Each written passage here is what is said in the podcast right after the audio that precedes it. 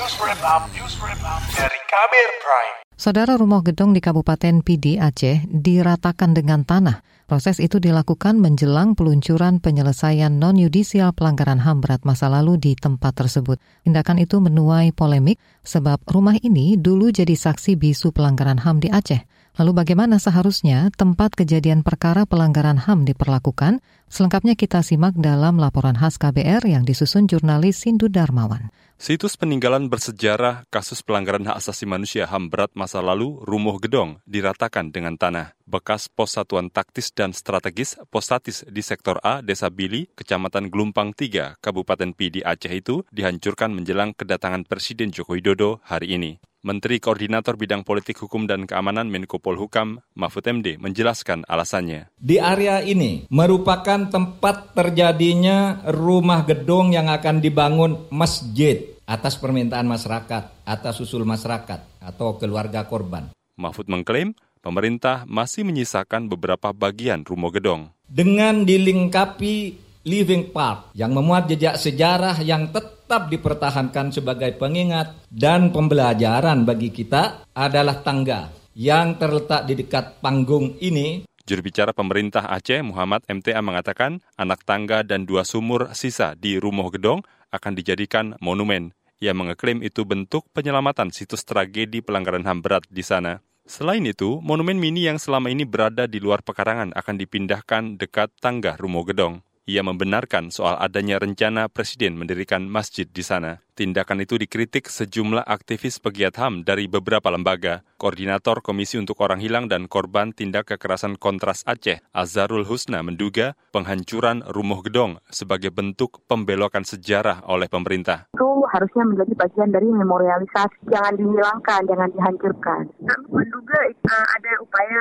penghancuran ya, mana itu berpotensi pada pembelokan uh, atau pengaburan sejarah. Kontras menilai pembangunan masjid di Rumah Gedong perlu dipertimbangkan lebih jauh apakah sesuai kebutuhan masyarakat di sana atau tidak. Sementara itu Amnesty International menilai upaya pemerintah menghancurkan Rumah Gedong di Aceh merusak upaya keadilan atas kejahatan kemanusiaan yang dulu pernah terjadi. Deputi Direktur Amnesty International Indonesia, Wirya Adiwena mengatakan tindakan tersebut tidak tepat lantaran penyelesaian HAM berat masa lalu belum tuntas secara yudisial. Yang jelas saat ini itu bukanlah tindakan yang bijaksana sama sekali. Uh, penghancuran rumah gedung itu bukanlah tindakan yang berpers berperspektif pemenuhan hak korban. Itu bukanlah tindakan yang berperspektif pemenuhan tanggung jawab negara dalam penegakan hak asasi manusia. Ini jelas sebuah upaya yang bertolak belakang dari upaya penyelesaian pelanggaran HAM berat pada judisial. Ini justru merusak upaya keadilan atas kejahatan kemanusiaan yang dulu terjadi di Aceh.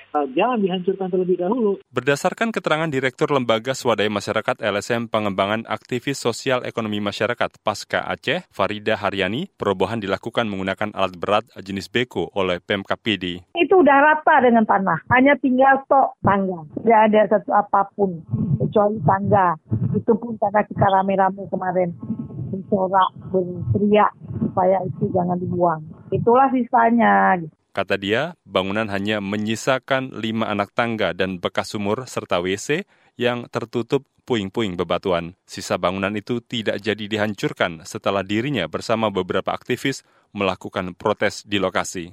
Komnas HAM turut menyesalkan penghancuran rumah gedong Sebab berdasarkan hasil penyelidikan tim ad hoc Komnas HAM, sejak 2013 hingga 2018 ditemukan bukti permulaan yang cukup untuk menggolongkan peristiwa tersebut ke dugaan kejahatan terhadap kemanusiaan. Dari hasil pemeriksaan 65 saksi menunjukkan terjadi perkosaan, pelbagai bentuk kekerasan seksual, penyiksaan, pembunuhan, perampasan kemerdekaan, hingga penghilangan paksa. Pelanggaran HAM di Rumah Gedong serta pos satuan taktis dan strategis satis lain di Aceh terjadi selama operasi jaring merah di PD sepanjang 1989 hingga 1998.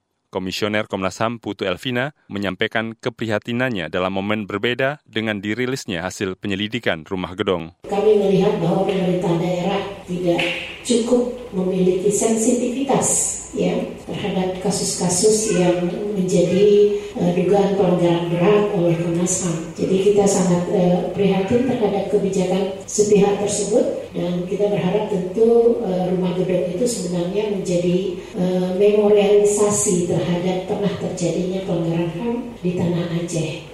Menurut penyelidikan Komnas HAM, pola kekerasan di Rumah Gedong dan Posatis memenuhi unsur kejahatan kemanusiaan sesuai Undang-Undang Pengadilan HAM. Tindak kekerasan yang menimpa warga sipil tersebut imbas kebijakan penguasa masa itu yang dilakukan sistematis dan meluas. Tim menyimpulkan tiga pihak yang diduga harus bertanggung jawab, antara lain para komandan kesatuan militer selaku pengawas di lapangan, komandan Komando Pasukan Khusus Kopassus TNI AD selaku pembuat kebijakan. Demikian laporan khas KBR yang disusun dan dibacakan Sindu Darmawan. Kamu baru saja mendengarkan news wrap up dari KBR Prime. Dengarkan terus kbrprime.id, podcast for curious mind.